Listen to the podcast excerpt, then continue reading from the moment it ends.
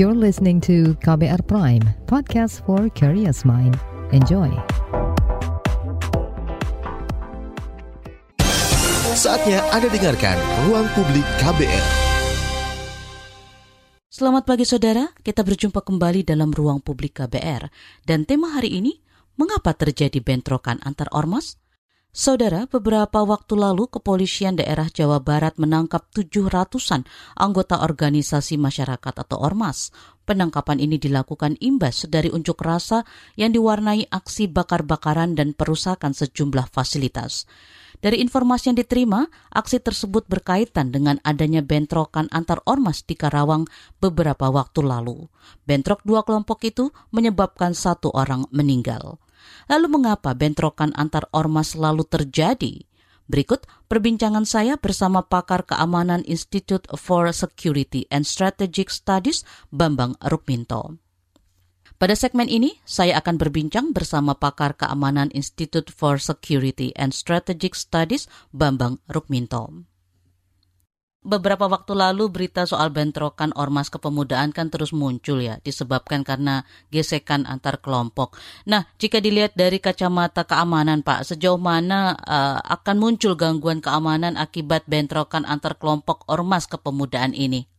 Uh, gini, uh, kita melihat bahwa uh, bentrokan yang terjadi saat ini ini dilatar belakangi oleh aksi-aksi uh, premanisme karena kalau uh, tidak bisa kita menggeneralisir bahwa uh, semua ormas kepemudaan ini melakukan aksi-aksi seperti itu.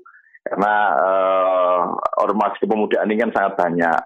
Tetapi kekerasan-kekerasan yang terjadi saat ini ini hanya dilakukan oleh beberapa gelintir ormas saja seperti itu. Makanya uh, ini saya apa itu uh, sampaikan bahwa uh, latar belakang dari bentrokan-bentrokan itu sebenarnya adalah uh, premanisme gitu. Sampai sejauh ini ini masih masih terbatas pada aksi-aksi premanisme saja dengan menggunakan menggunakan kekerasan-kekerasan yang tidak pada semestinya. Tetapi uh, ke depan kalau ini dibiarkan terus-menerus, ini juga bisa mengarah pada uh, kejahatan uh, terorganisasi yang ini akan menjadi, menjadi lebih parah karena uh, bisa sampai ke uh, berbagai lini dan uh, bidang masyarakatan. Mereka melakukan kegiatan secara legal, tapi sebenarnya di balik itu adalah kejahatan gitu. Ini yang harus harus diantisipasi uh, oleh kepolisian kita gitu.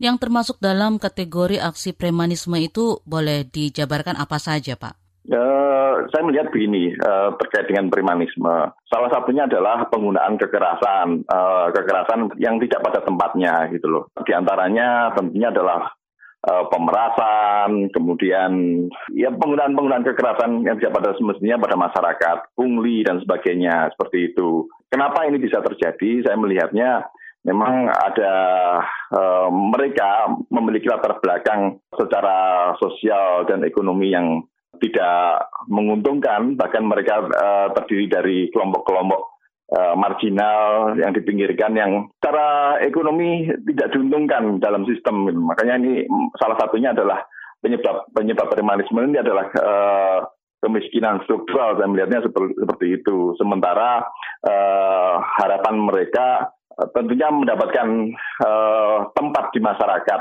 baik secara sosial maupun ekonomi. Makanya ketika mereka bergabung menjadi uh, dalam sebuah uh, organisasi kemasyarakatan kepemudaan, harapannya mereka ini uh, bisa mengaktualisasi diri, membuat jaringan uh, dan mendapatkan keuntungan-keuntungan ekonomi. Uh, hanya saja karena uh, pembinaan yang masih sangat jauh dari harapan pembinaan oleh stakeholder terkait maksud saya uh, akibatnya mereka mereka hanya bisa melakukan aksi-aksi uh, premanisme itu tadi.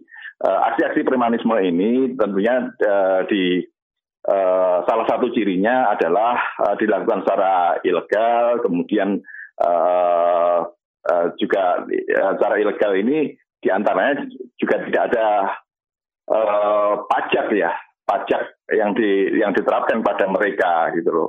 Mereka mendapatkan keuntungan ekonomi tapi tidak membayar pajak.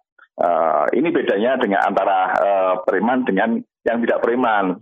Sebuah institusi yang uh, legal tentunya membayar pajak, tapi kelompok preman ini uh, tidak membayar pajak. Mereka malah memajaki tapi tidak membayar pajak seperti itu. Ini salah satu salah satu cirinya. Makanya kalaupun pemerintah uh, melakukan pembinaan tentunya harus diarahkan uh, menjadi bukan hanya legal formal formal saja dalam bentuk ormas tapi juga pembinaan-pembinaan ekonomi yang lebih uh, lebih lebih bagus, lebih baik gitu. Kalau begitu apa yang menjadi penyebab terjadinya bentrokan antar kelompok ormas ini, Pak? Salah satunya bentuk-bentuk yang terjadi itu pada intinya adalah sebuah bentuk hate crime ya. Yaitu ke kejahatan ke kekerasan yang berlandaskan kebencian dan kemudian balas dendam. Antar kelompok ini uh, memiliki uh, kebanggaan-kebanggaan uh, atribut kebanggaan-kebanggaan uh, pada kelompoknya. Kemudian harapannya dengan uh, membuat atribut-atribut tersebut mereka uh, bisa mendapatkan sesuatu uh, privilege di tengah masyarakat gitu. Uh, tapi faktanya uh, tidak demikian. Kemudian ketika apa uh, berhadapan dengan kelompok lain yang memiliki ciri yang sama, mereka saling ejek dan lain dan lain sebagainya. Akhirnya muncullah bentrokan-bentrokan seperti itu yang yang pada awalnya adalah uh, diawali dari uh, rasa kebencian dan kemudian uh, di internalnya adalah kebanggaan dan arogansi uh, organisasi itu.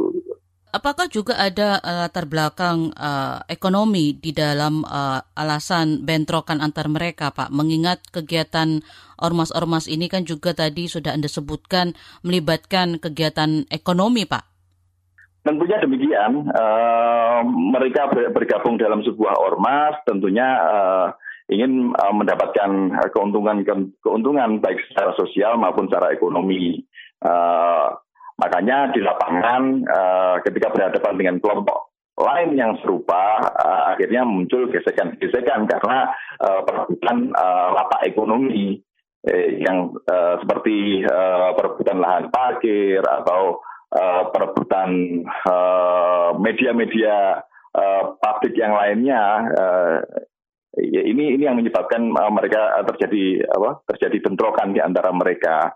Sementara uh, pemerintah sendiri sepertinya abe untuk uh, bagaimana mengatur mereka ini uh, secara legal dan uh, uh, sesuai sesuai dengan aturan aturan uh, formal yang lainnya seperti itu bukan hanya sekedar di, dilindungi dalam sebuah bentuk uh, organisasi massa tetapi tidak di dijamin bagaimana uh, kelangsungan ekonomi mereka seperti itu. Saat ini kan juga banyak masyarakat yang uh, mulai berani begitu Pak untuk me memvideokan tindakan-tindakan pungli yang dilakukan oleh uh, preman-preman baik itu yang tergabung dalam organisasi kepemudaan maupun yang uh, berdiri sendiri begitu Pak. Nah, bagaimana Anda melihat upaya masyarakat yang uh, kemudian melakukan caranya sendiri untuk bisa meng, uh, katakanlah menghukum eh, para pelaku premanisme ini, Pak? Uh, saya melihatnya sangat bagus ya. Memang uh, era sekarang adalah era teknologi uh, dan masyarakat bisa mengkontrolnya, uh, mengontrolnya. Uh, saya melihat begini, uh, mengapa uh, aksi-aksi premanisme seperti itu masih uh, sering terjadi, kemudian uh, uh, dilakukan oleh uh, organisasi massa saya melihatnya ini ada simbiose mutualisme antara uh, aparat uh, ini bukan bukan hanya kepolisian saja uh, aparat bukan hanya aparat penegak hukum saja tapi uh, stakeholder terkait gitu loh. Organisasi-organisasi massa yang uh, yang yang seperti ini ini sering kali bermunculan uh, di menjelang menjelang uh, pilkada atau pemilu dan mereka digunakan oleh uh, stakeholder ini untuk mengeruk uh, suara gitu loh. Makanya kemudian kemudian pasca uh, pasca pemilu uh, mereka mendapat sepertinya mendapatkan tempat. Ini ini salah satunya karena uh, apa simbiose mutualisme yang pragmatis itu dilakukan oleh uh, organisasi massa yang terdiri dari para preman ini dengan uh, stakeholder terkait gitu. Makanya ini kemudian uh, terus terus uh, berulang berulang lagi uh, dan tidak bisa disembuhkan sepertinya seperti itu uh, karena ini seolah-olah uh, dijaga dilestarikan oleh oleh oleh aparat gitu. Makanya masyarakat uh, saya melihatnya dengan kontrol masyarakat saat ini hanya bisa mengkontrol tapi tidak bisa melakukan apa-apa karena uh, stakeholder terkait masih uh, melestarikan pola-pola uh, seperti ini seperti itu. Pak Bambang, sebenarnya uh, aturan soal berkegiatan dari Ormas uh, kepemudaan ini seperti apa, Pak? Apakah uh, tadi Anda katakan mereka ada yang melakukan uh, tindakan premanisme, tapi sampai sekarang organisasi-organisasi uh, tersebut masih saja uh, berdiri dan uh, tidak katakanlah uh, dibubarkan atau dihentikan izinnya. Itu seperti apa, Pak? Ya, uh, memang ada kecenderungan bahwa uh, problem problem premanisme ini uh, disempitkan dalam uh, pada konteks oknum-oknum atau anggota-anggota ormas seperti itu. Uh, tetapi organisasi masanya sendiri tidak pernah diberikan sanksi oleh uh, pemerintah uh, bila uh, ada beberapa anggotanya yang melakukan kejahatan-kejahatan seperti itu. Makanya ini terkait dengan uh, pembinaan uh, oleh pemerintah sendiri uh, bagaimana bagaimana menangani ormas-ormas yang sudah banyak meresahkan masyarakat ini. Uh, idealnya memang organisasi masyarakat, uh, organisasi kemasyarakatan kemudahan yang melakukan anggotanya banyak melakukan aksi-aksi kejahatan uh, dan premanisme seperti itu uh, harus segera dibubarkan uh, dan tidak menjadi bagian pembinaan oleh pemerintah gitu loh. Saya melihat gini, penanganan penanganan premanisme sampai saat ini yang dilakukan uh, masih terbatas pada hal-hal yang uh, kuantitatif gitu. Hanya hanya ukurannya adalah jumlah-jumlah angka-angka bahwa uh, sekian preman ditangkap oleh uh, aparat penegak hukum seperti itu. Tetapi pembinaan secara integral ini belum uh, belum dilakukan oleh pemerintah gitu. Penanganan premanisme tentunya tidak bisa diserahkan kepada poli kepolisian sendiri, karena ini menyangkut banyak aspek bukan hanya sekedar pelanggaran hukum tetapi aspek-aspek sosial dan ekonomi tadi dari masyarakat uh, yang termarginalkan tadi. Ruang Publik KBR pagi hari ini adalah rekaman, jadi kami tidak bisa menerima pertanyaan dari pendengar. Jangan ke mana-mana, tetap di Ruang Publik KBR. Masih Anda dengarkan Ruang Publik KBR. Commercial break. Commercial break. Transfer ke sini udah, bayar ini juga udah. Ke gue udah. Hih, pertumbuhan ekonomi tuh lagi melambat, persis kayak tabungan gue. Betul banget. Harus matang ngelola keuangan. Pengennya tuh investasi sesuatu gitu ya. Apa gitu yang cocok dan menguntungkan? Hmm, coba dengerin uang bicara deh. Gue belakangan lagi dengerin podcast itu di KBR Prime reksadana yang tadinya 500 juta udah turun dari 250 juta sekarang 10 ribu. Sama kita ngopi mahalan mana? Ketika itu ada keputusan yang kayak begitu investor harus tahu gitu oh ada keputusan ini berarti implikasinya apa? Orang mungkin perluas literasi kamu lewat podcast Uang Bicara Uang Bicara menavigasi kamu dengan menghadirkan bahasan-bahasan seru dan populer mulai dari investasi sampai kebijakan dipersembahkan oleh KBR Prime dan bisa didengarkan di KBR Prime, Spotify, dan platform mendengarkan podcast lainnya. KBR Prime, podcast for curious mind.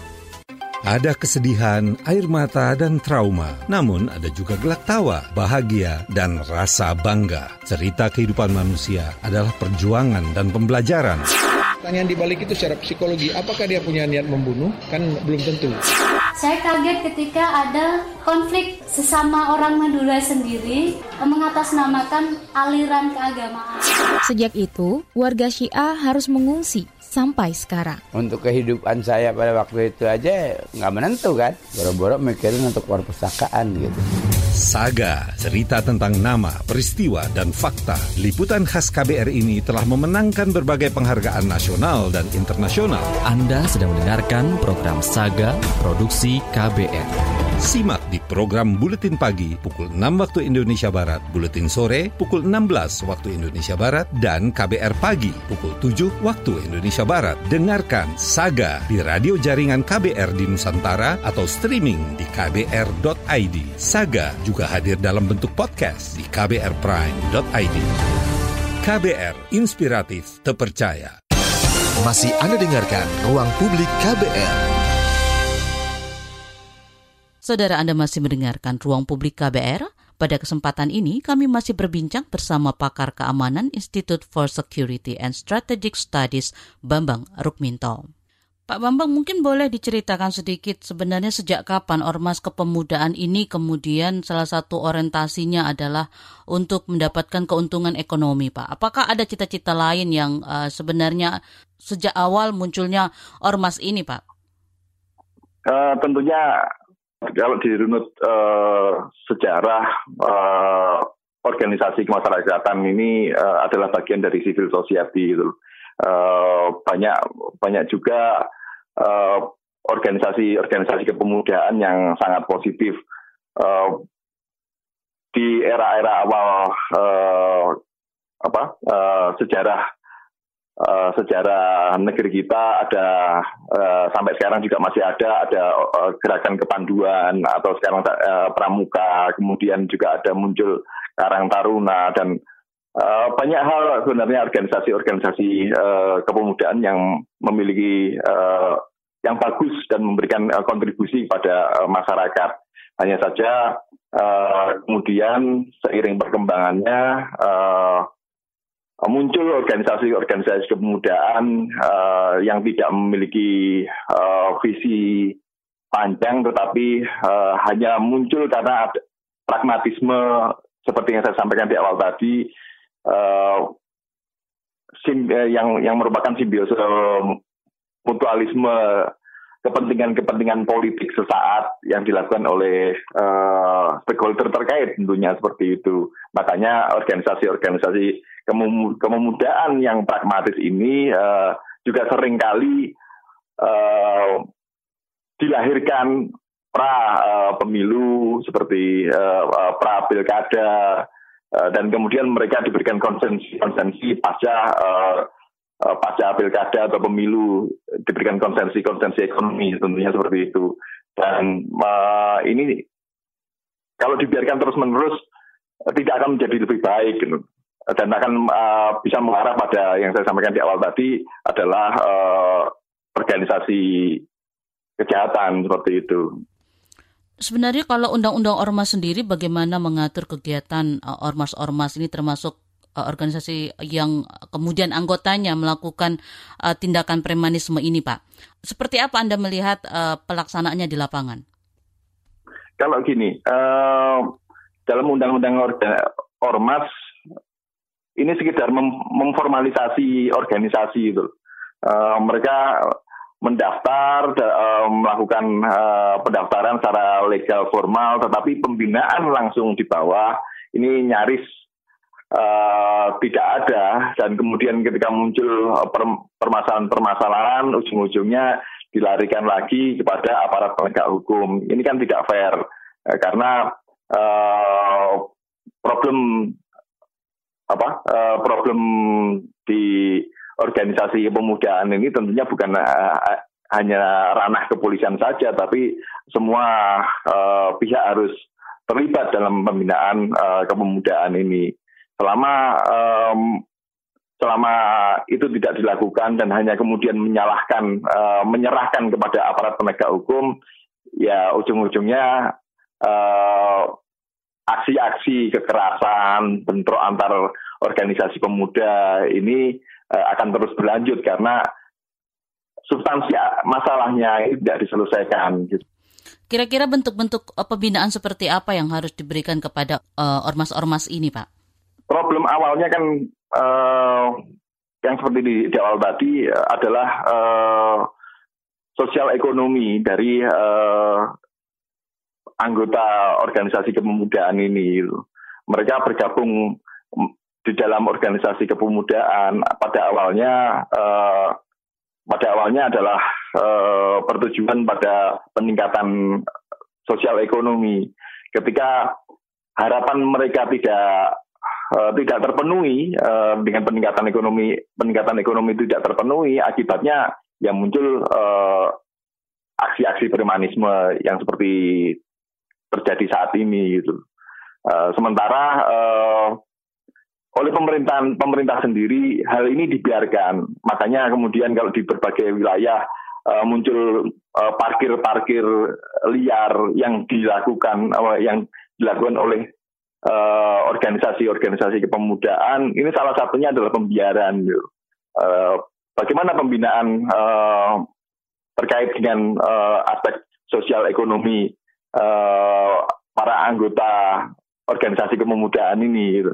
Faktanya di lapangan nyaris tidak ada uh, maka, uh, dan kalaupun ada ini uh, sering kali muncul uh, sesaat saja uh, menjelang pemilu atau menjelang uh, pilkada, pilpres dan sebagainya. Dan untuk memanfaatkan organisasi-organisasi kepemudaan itu untuk mengeruk menjadi kantong-kantong suara gitu. Begitu saja. Tapi pembinaan pada itu nyaris tidak ada gitu ini yang sangat disesalkan. Gitu kita saat ini sudah mulai memasuki tahun politik dan akan melakukan pemilu pada 2024 begitu ya Pak ya.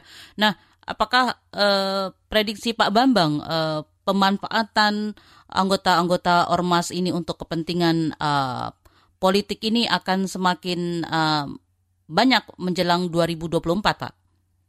Saya melihatnya akan demikian gitu. Uh, karena organisasi kepemudaan ini tentunya memiliki masa yang sangat besar, tetapi uh, secara politik mereka uh, tidak memiliki uh, kendaraan, gitu. berbeda dengan uh, partai politik gitu loh.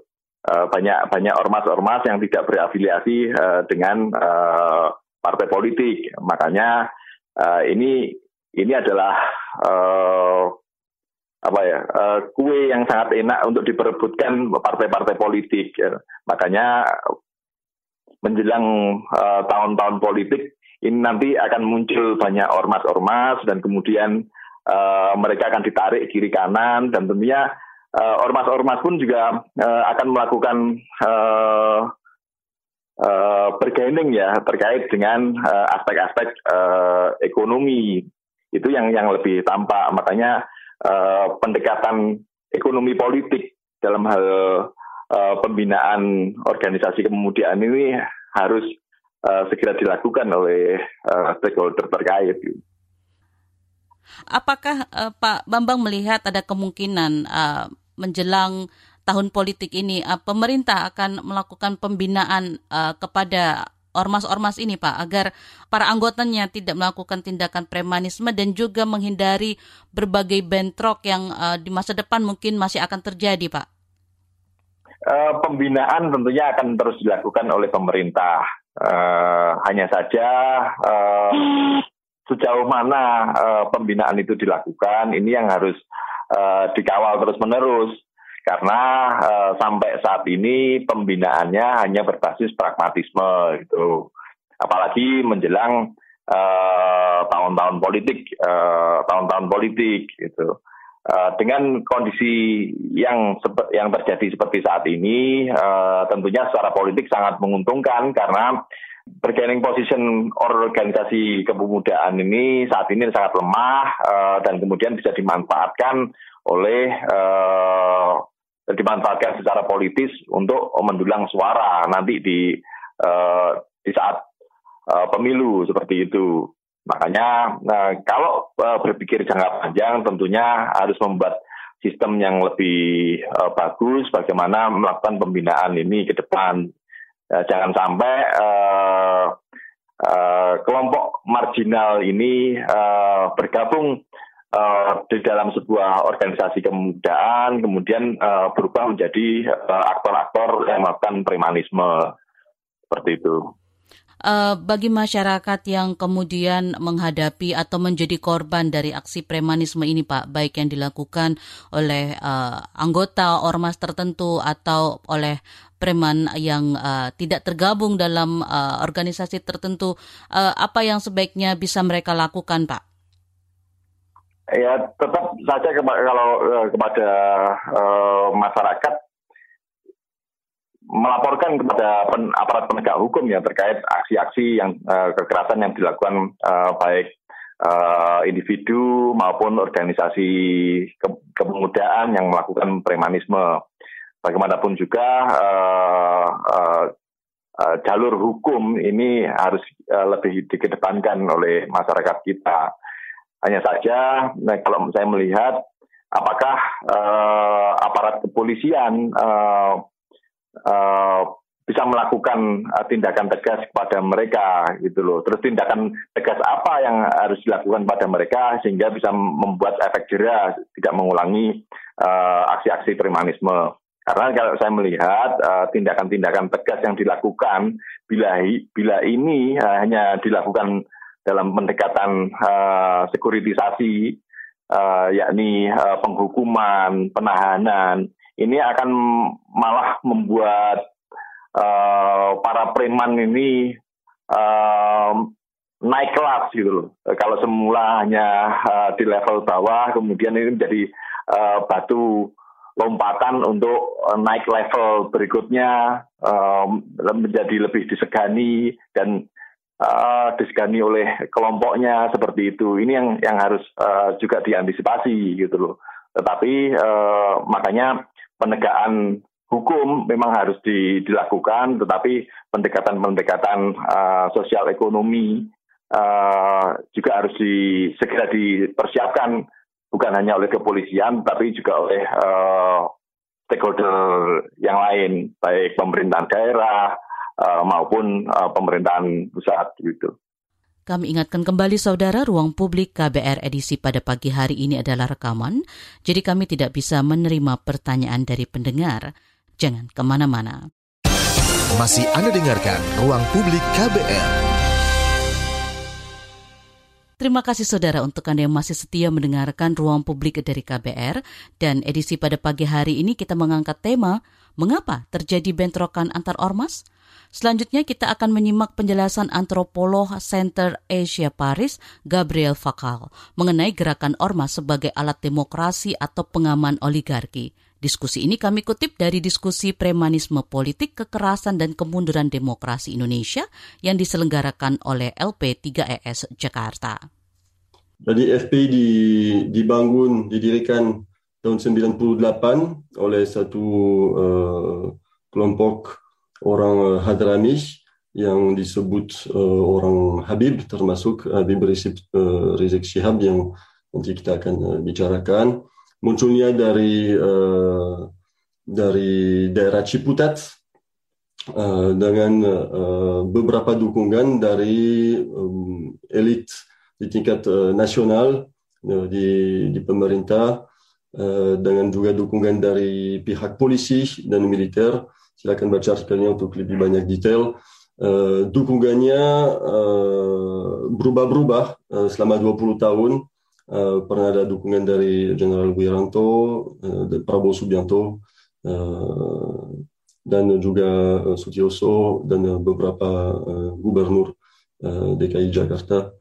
Uh, di awal dengan misi untuk uh, melawan tempat maksiat pembubaran acara yang mengaitkan orang yang disebut LGBT, tempat prostitusi, tempat uh, di mana orang menjual alkohol, klub malam, dan sebagainya. Juga untuk melawan beberapa uh, pihak yang pro-demokratis uh, dan uh, kelompok yang dianggap komunis. Itu untuk uh, alasan pribadi, uh, pribadi uh, para elit yang memang mendukung uh, FPI mereka juga akan uh, mendukung aksi solidaritas bela Islam, uh, bela umat Islam uh, di tingkat nasional uh, maupun internasional dan akan membantu untuk sosialisasikan uh, fatwa MUI dan untuk implementasi norma uh, sebuah Islam yang uh, cukup konservatif. Dan di lapangan para para laskar FPI juga akan uh, mengkoleksi pajak uh, suci uh, dan uh, akan menekan beberapa minoritas agama dan minoritas uh, budaya di beberapa daerah di Indonesia. Mereka juga akan cukup aktif waktu ada uh, kejadian di, di Maluku dan uh, mereka akan berpartisipasi ke satu uh, resim uh, dari rakyat yang terorganisir di awal oleh di di zaman Orde Baru, tapi yang punya akar lebih terdahulu uh, di zaman Revolusi Indonesia. Silakan baca buku yang kami sudah sebutkan uh, dari Ian Douglas Wilson. Mulai tahun 2014, sedikit sebelumnya, waktu ada kampanye Pilpres, mereka dikooptasi kembali oleh Prabowo Subianto untuk uh, melawan Jokowi. Mereka akan mulai dengan uh, isu Basuki Cahaya Purnama yang uh, semua sudah tahu saya kira. Mereka uh, melalui uh, Ahok akan mencoba uh, serang uh, Presiden Jokowi. Dan uh, untuk hal tersebut mereka akan kerjasama dengan beberapa ormas dan gerakan uh, seperti GNPF MUI atau NU garis lurus uh, yang dipimpin oleh orang yang sangat dekat dengan FPI bahkan ada yang anggotanya FPI sendiri uh, seperti Bakhtiar Nasir jadi gerakan uh, GNPF MUI itu uh, berusaha untuk memposisikan diri sebagai perantara antara kalangan muslim dan organisasi semi-institusional seperti Majelis Ulama Indonesia dan uh, Nahdlatul Ulama juga. Dan uh, ambiguitasnya muncul waktu mereka panggil uh, aksi super damai dan sekalian sebarkan informasi untuk melakukan jihad uh, fisabilillah uh, dan mereka uh, akan minta anggota mereka siapkan fisik dan mental. Jadi ada ada double pidato terutama pada aksi bela Islam uh, 3 sebelumnya ada aksi bela Islam 1 itu tanggal 14 Oktober kalau saya nggak salah 2016 yang keduanya uh, 4 November 2016 dan uh, yang 2 Desember 2016 yang uh, paling paling terkenal dan tampaknya paling besar. Uh, mereka juga akan kerjasama dengan beberapa markas militer, uh, salah satunya di, di Banten, di mana mereka akan terlatih untuk belajar main uh, senjata api dan uh, juga untuk siapa, siapkan fisik dan mental dengan demo tersebut mereka harapkan ada konfrontasi uh, langsung dan uh, mungkin mereka harapkan juga ada semacam uh, revolusi atau ada perubahan uh, resim. Uh, tetapi ada reaksi dari kubu politik Jokowi mulainya secara sangat konkret waktu uh, Presiden Joko Widodo naik panggung uh, pada demo 2 Desember uh, 2016 2016 dan dia panggil semua pendemo pulang ke rumahnya secara damai. Akhirnya dia merendahkan situasinya, sedangkan kita bisa bayangkan bahwa FPI justru mau lanjut angkatkan uh, situasinya. Satu strategi lain daripada uh, di, di, ditambah uh, pidatonya Jokowi adalah menggunakan ormas uh, yang bisa melawan FPI di tingkat uh, di jalan. Pertama dengan uh, pemuda Pancasila, terus dengan ormas uh, kecil di tingkat mikro lokal yang uh, dekat dengan uh, budaya lokal, misalnya dengan FBR uh, di Jakarta atau juga di dunia persilatan. Uh, Pak Ahok juga pernah punya dukungan dari beberapa ormas yang uh, disebutkan pro nasionalis atau pro Pancasila. Nasionalisme itu memang jadi satu alat ideologis yang yang cukup kuat untuk melawan ideologi Islam yang ala FPI, bisa bilang ala FPI. Uh, dan uh, pihak yang cukup penting adalah uh, ormas yang terkait dengan uh, Nahdlatul Ulama uh, seperti uh, Banser, satu uh, ormas yang secara secara historis uh, cukup signifikan dalam perubahan politik untuk melawan komunis dan beberapa oponen uh, politik. Ada transisi tahun 2018 uh, pertama uh, atau 17 uh, Habib Rizik Syihab pergi ke ke Saudi sehingga dia jadi overstay visa tapi dia tetap di situ dan dia dapat kunjungan dari beberapa aktor politik yang penting termasuk Prabowo Subianto. Tetapi di tahun yang sama 2018 uh, waktu Asian Games uh, Presiden Jokowi dan Prabowo Subianto kirim sinyal kepada uh, pendukung mereka atau masyarakat bahwa mereka akan membuat semacam uh, rekonsiliasi atau pendekatan, yaitu mereka peluk dan uh, secara simbolik itu penting uh, bahwa mereka berpelukan waktu ada medali emas dari satu atlet pencak silat. Jadi memang bela diri, bagaimana kita bisa mengontrol kekerasan, akan juga di, dimunculkan secara simbolik. Terus setelah Pak Prabowo Subianto masuk kabinet uh, dan jadi menteri, um, kekuatan uh, FPI juga semakin menurun.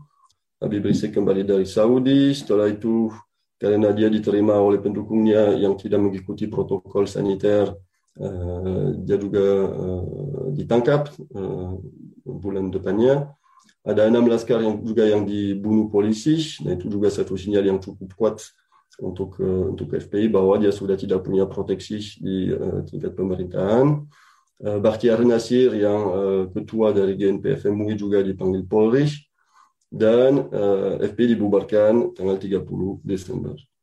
Tetapi kita bisa analisiskan bahwa masih ada warisan dari FPI yang cukup signifikan melalui jaringan alumni 212, yaitu orang yang pernah mendukung demo tahun 2016 uh, di tanggal 2 Desember.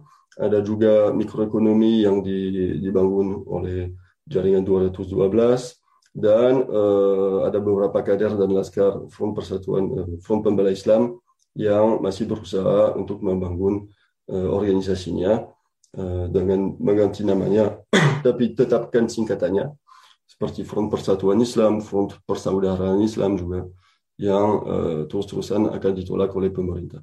Jadi dampaknya uh, pasti ada uh, beberapa di tingkat moral untuk uh, untuk umat Islam, uh, juga terhadap Islam militan. Walaupun kita bisa analisiskan bahwa uh, semenjak krisis COVID, mobilisasi sosial lebih diarahkan ke uh, arah ekonomik daripada arah moral atau agama. Tetapi jaringannya FPI masih aktif terutama melalui beberapa figur kunci di tingkat lokal dan nasional yang uh, masih bisa koordinasikan gerakan uh, dan demo jika diperlukan.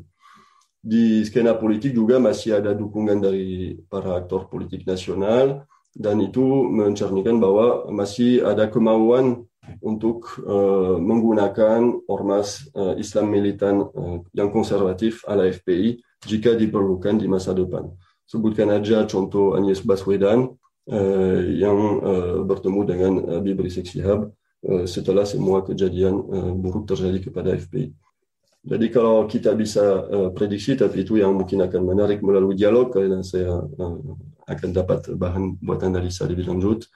Uh, untuk kampanye Pilpres 2024, apakah FPI akan bisa kembali lagi sebagai penggerak massa untuk mendukung tiket seperti Eh, Prabowo Anies jika duet jika duetnya memang terjadi. Apakah juga ormas Islam konservatif akan berhasil melawan kubu yang mengadopsi citra yang lebih progresif walaupun kita nggak tahu progresifnya ada di, di tingkat mana.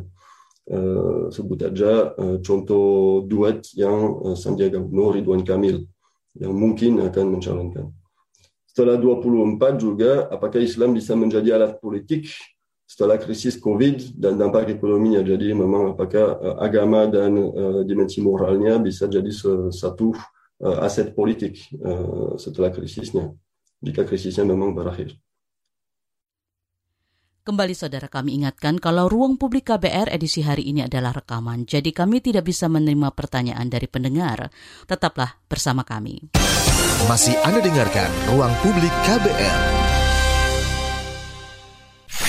Commercial break. Commercial break. Sudah tahu yang satu ini. Sekarang kabar baru ada di playlist teman perjalananmu. Kamu masih bisa update dengar berita terbaru sambil dengerin lagu kesukaanmu. Semua bisa kamu dengerin di playlist Daily Drive Spotify. Masih Anda dengarkan Ruang Publik KBR. Berikutnya kita akan menyimak penjelasan mengenai bagaimana ormas tumbuh subur di Indonesia bersama peneliti lokal politik dan keamanan Indonesia dari Kyoto University Masaki Okamoto. Perbincangan ini kami kutip dari diskusi premanisme politik, kekerasan dan kemunduran demokrasi Indonesia yang diselenggarakan oleh LP3ES Jakarta. Dan pada saat itu juga ada undang-undang baru tentang kepolisian tahun dua, eh, nomor 2 tahun 2002 dan mereka melegalkan keberadaan kelompok vigilantisme eh, dengan pasar tiga apa namanya bentuk bentuk pengamanan swakarsa diakui. Dan itu dikuatkan oleh peraturan kepolisian yang baru terbit pada tahun 2020 tahun lalu tentang swakarsa. Gara-gara itu banyak uh, kelompok kekerasan muncul di berbagai wilayah saya usah sebutkan berbagai pola. Dan bagaimana respon dari negara terhadap kemunculan berbagai kelompok kekerasan tersebut. Ya, salah satunya profesionalisasi uh, security guards dan perusahaan security dan memilih eh, kelompok preman yang setia para polisi. Dan bagaimana respon dari kelompok kekerasan sendiri. Mereka juga mulai menerima apa namanya keberadaan polisi sebagai aparatur yang kuasai kekerasan. Gara-gara itu mereka mulai mendekati polisi dan juga uh, tentara dan mereka juga apa namanya mulai menitik beratkan pada pentingnya nasionalisme. Misalnya Brigade Mangguni yang ada di daerah Manado, awalnya cuma namanya Brigade Mangguni saja. Ini dikuasai oleh toko preman yang pernah bunuh orang di Jakarta dan ganti nama jadi Brigade Manguni Indonesia. Jadi mulai pakai nama pakai kata Indonesia di dalam nama organisasinya. Dan ada hubungan yang baik dengan polisi militer dan politisi lokal maupun nasional. Kalau tidak dihancurin, misalnya ada ormas atau kelompok kekerasan namanya PMPB di Sumatera Selatan. Ini logonya, logonya lucu sekali. Ini apa ya? Pigeon burung putih, pegang grogo ya. Aneh sekali. Ini dihancurin. Dan salah satu respon lagi adalah partisipasi politik secara aktif. Dan yang paling sukses di dalam partisipasi politik adalah pemuda Pancasila. Menurut saya, ya mereka mendukung Jokowi pada tahun 2019, Pilpres 2019. Dan sebagai barang di dalam era uh, pemerintahan Jokowi yang kedua, uh, Menteri uh, Pemuda dan Olahraga dari PP, dan Ketua MPR juga dari PP, Ketua DPD dan Wakil Ketua DPD juga dari PP. Ya, awal mulanya saya tidak sebutkan ya kira-kira uh, akhir 50-an atau awal 60-an. Dan saya dapat bukunya biografi tentang Effendi Nasution itu ketua uh, cabang provinsi Sumatera Selatan nanti jadi presiden PP. Dan dia disebut Lion of North Sumatra. Wah, lucu sekali namanya juga. Dan dia bilang begini, dulu mana kita tahu deh organisasi, kata orang ya organisasi. Sebelumnya ada, mana ada Tatar-Tatar, karena semua preman di dalam PP-nya. Crossboy, pencuri, pelampau, pembunuh, ada semua di PP-nya. Dia omong begini. Dan untuk menjadi ketua pemuda Pancasila di semua tingkatan, Effendi Nasution selalu nanya, apa kau sudah pernah masuk penjara? Sudah berapa orang yang kau tikam? Sudah berapa orang yang kau bunuh? Berapa orang anggotamu? Ini pertanyaan uh, utama sama calon-calon apa namanya ketuanya. Dan waktu 80-an itu jadi masa jayanya PP di bawah Yapto. Karena Yapto, ayah dari Yapto itu ada keluarga, uh, hubungan keluarga dengan Ibu Tieng. Jadi untuk melumakan kekuatan uh, kelompok preman di bawah Ali Murtopo, Soeharto memanfaatkan Yapto dan Pemuda Pancasila. Oleh karena itu, Pemuda Pancasila membuat. Dan saya, waktu saya ketemu mereka, mereka suka bilang, tujuan dari kami ada moto adalah membuat orang jahat menjadi orang baik. Dan pasca demokratisasi, awalnya mereka tetap setia pada Soeharto, tapi ujung-ujungnya stop untuk mendukung apa namanya Soeharto maupun Golkar dan bikin jalak dari Golkar walaupun tetap dekat sama Golkar. Menurutnya ada sebenarnya ada biografi tentang ibunya Yatu oleh Hude Jansen. Ini dalam bahasa Belanda tapi sudah diterjemahkan di dalam bahasa Indonesia, tanah air baru Indonesia. Dan di dalamnya disebut bahwa dukung mendukung Golkar itu tidak ada gunanya, kata dia, kata Yakto, kata ibu. Tidak ada pekerjaan, tidak ada proyek, tidak ada donasi lagi. Kalau, kalau begitu lebih baik mendukung yang lain. Dan waktu itu saya 99 saya bertemu dengan ketua DPW Provinsi Jawa Barat PP. Dia terbahak-bahak. Tahun 97 masih kami punya apa posisi anggota DPRD cuma 24, tapi pasca 99 dan pemilu 99 kami dapat 52 8 kursi dari Golkar, PDP, macam-macam. Dia terbahak-bahak. Senang sekali waktu itu. Dan setelah itu ada ambisinya naik lagi. Mereka bikin partai sendiri, tapi apa gagal tahun 2004 maupun 2009 cuma dapat satu juta suara dan 500 ribu suara. Itu juga cukup bagus. Tapi ya wajar ya itu apa namanya PP itu dianggap kelompok preman. Jadi mana yang mau dukung dia gitu. Tapi dan satu lagi intinya sebenarnya kader-kader PP sudah ada di mana-mana di partai-partai lain. Jadi mereka tidak mau lupas dari kepentingan yang sudah terpanggung di dalam partai tersebut. Jadi strateginya calon-calon dari PP itu tidak hanya di satu parpol, tapi berbagai parpol. Dan kalau ada pilkada, menjadi calon atau mendukung seorang calon. Dengan strategi ini, menurut Wilson pada tahun 2004, apa namanya jumlah anggota DPR maupun DPRD dari PP adalah lebih dari 400 dan 2009 535 dan lebih dari 30 adalah anggota DPR pusat kata Yoris waktu saya wawancara secara online. Waktu itu ada puput juga. Dan ada bukunya uh, biografi tentang Yakto juga. Ini terbit tahun 2011 dan ada empat menteri dari PP dari 99 sampai 2014 dan kalau di tingkat daerah, menurut Murianto, apa namanya, ada tujuh kepala bupati wali kota, lima wakil bupati wali kota di dalam 35 kabupaten kota di Sumatera Selat Utara. Jadi lumayan banyak kadernya. Dan menurutnya membershipnya 7 miliar, tapi itu tidak mungkin apa dipercaya. Saya juga jadi anggota PP, gampang kalau mau jadi anggota, boleh nggak? Silakan aja, gampang. Dan waktu tahun 2017 ya Pilgub apa namanya uh, ada anti Ahok itu oleh kelompok konservatif Islam. Gara-gara itu uh, Jokowi mulai takut. Oh, karena begitu Jokowi harus ber, apa, merangkul sebuah kelompok nasionalis dan mereka milih Jokowi uh, PP. Jadi Jokowi mendekatkan diri dengan PP-nya dan sebagai barang mereka dapat uh, PP dapat beberapa posisi. Dan selesai Pilpres, Jokowi dan Maruf Amin diundang ke Mobes PP dan Jokowi berterima kasih atas pemilihan yang berjalan lancar sama PP. Dan mereka menjadi anggota kehormatan. Selesai itu, Bamset Bambang Susatyo, Wakil Ketua PP, katakan begini, PP akan menjelma menjadi preman dan buas kembali manakala ada yang menganggap kedaulatan bangsa, NKRI, Pancasila, dan coba-coba menganggap Presiden Jokowi selaku kepala negara ngomong begini. Dan mereka bilang begitu juga. PP bukan lagi organisasi preman biasa, tidak lagi menggunakan golok, tato, atau kumis tebal. Kami sekarang lebih mengedepankan otak, pikiran, pengetahuan, dan kecerdikan dalam menguasai wilayah. Omongan dia. Dan Yato sendiri juga bilang, Pemuda Pancasila organisasi yang tidak suka, dia mengakui itu.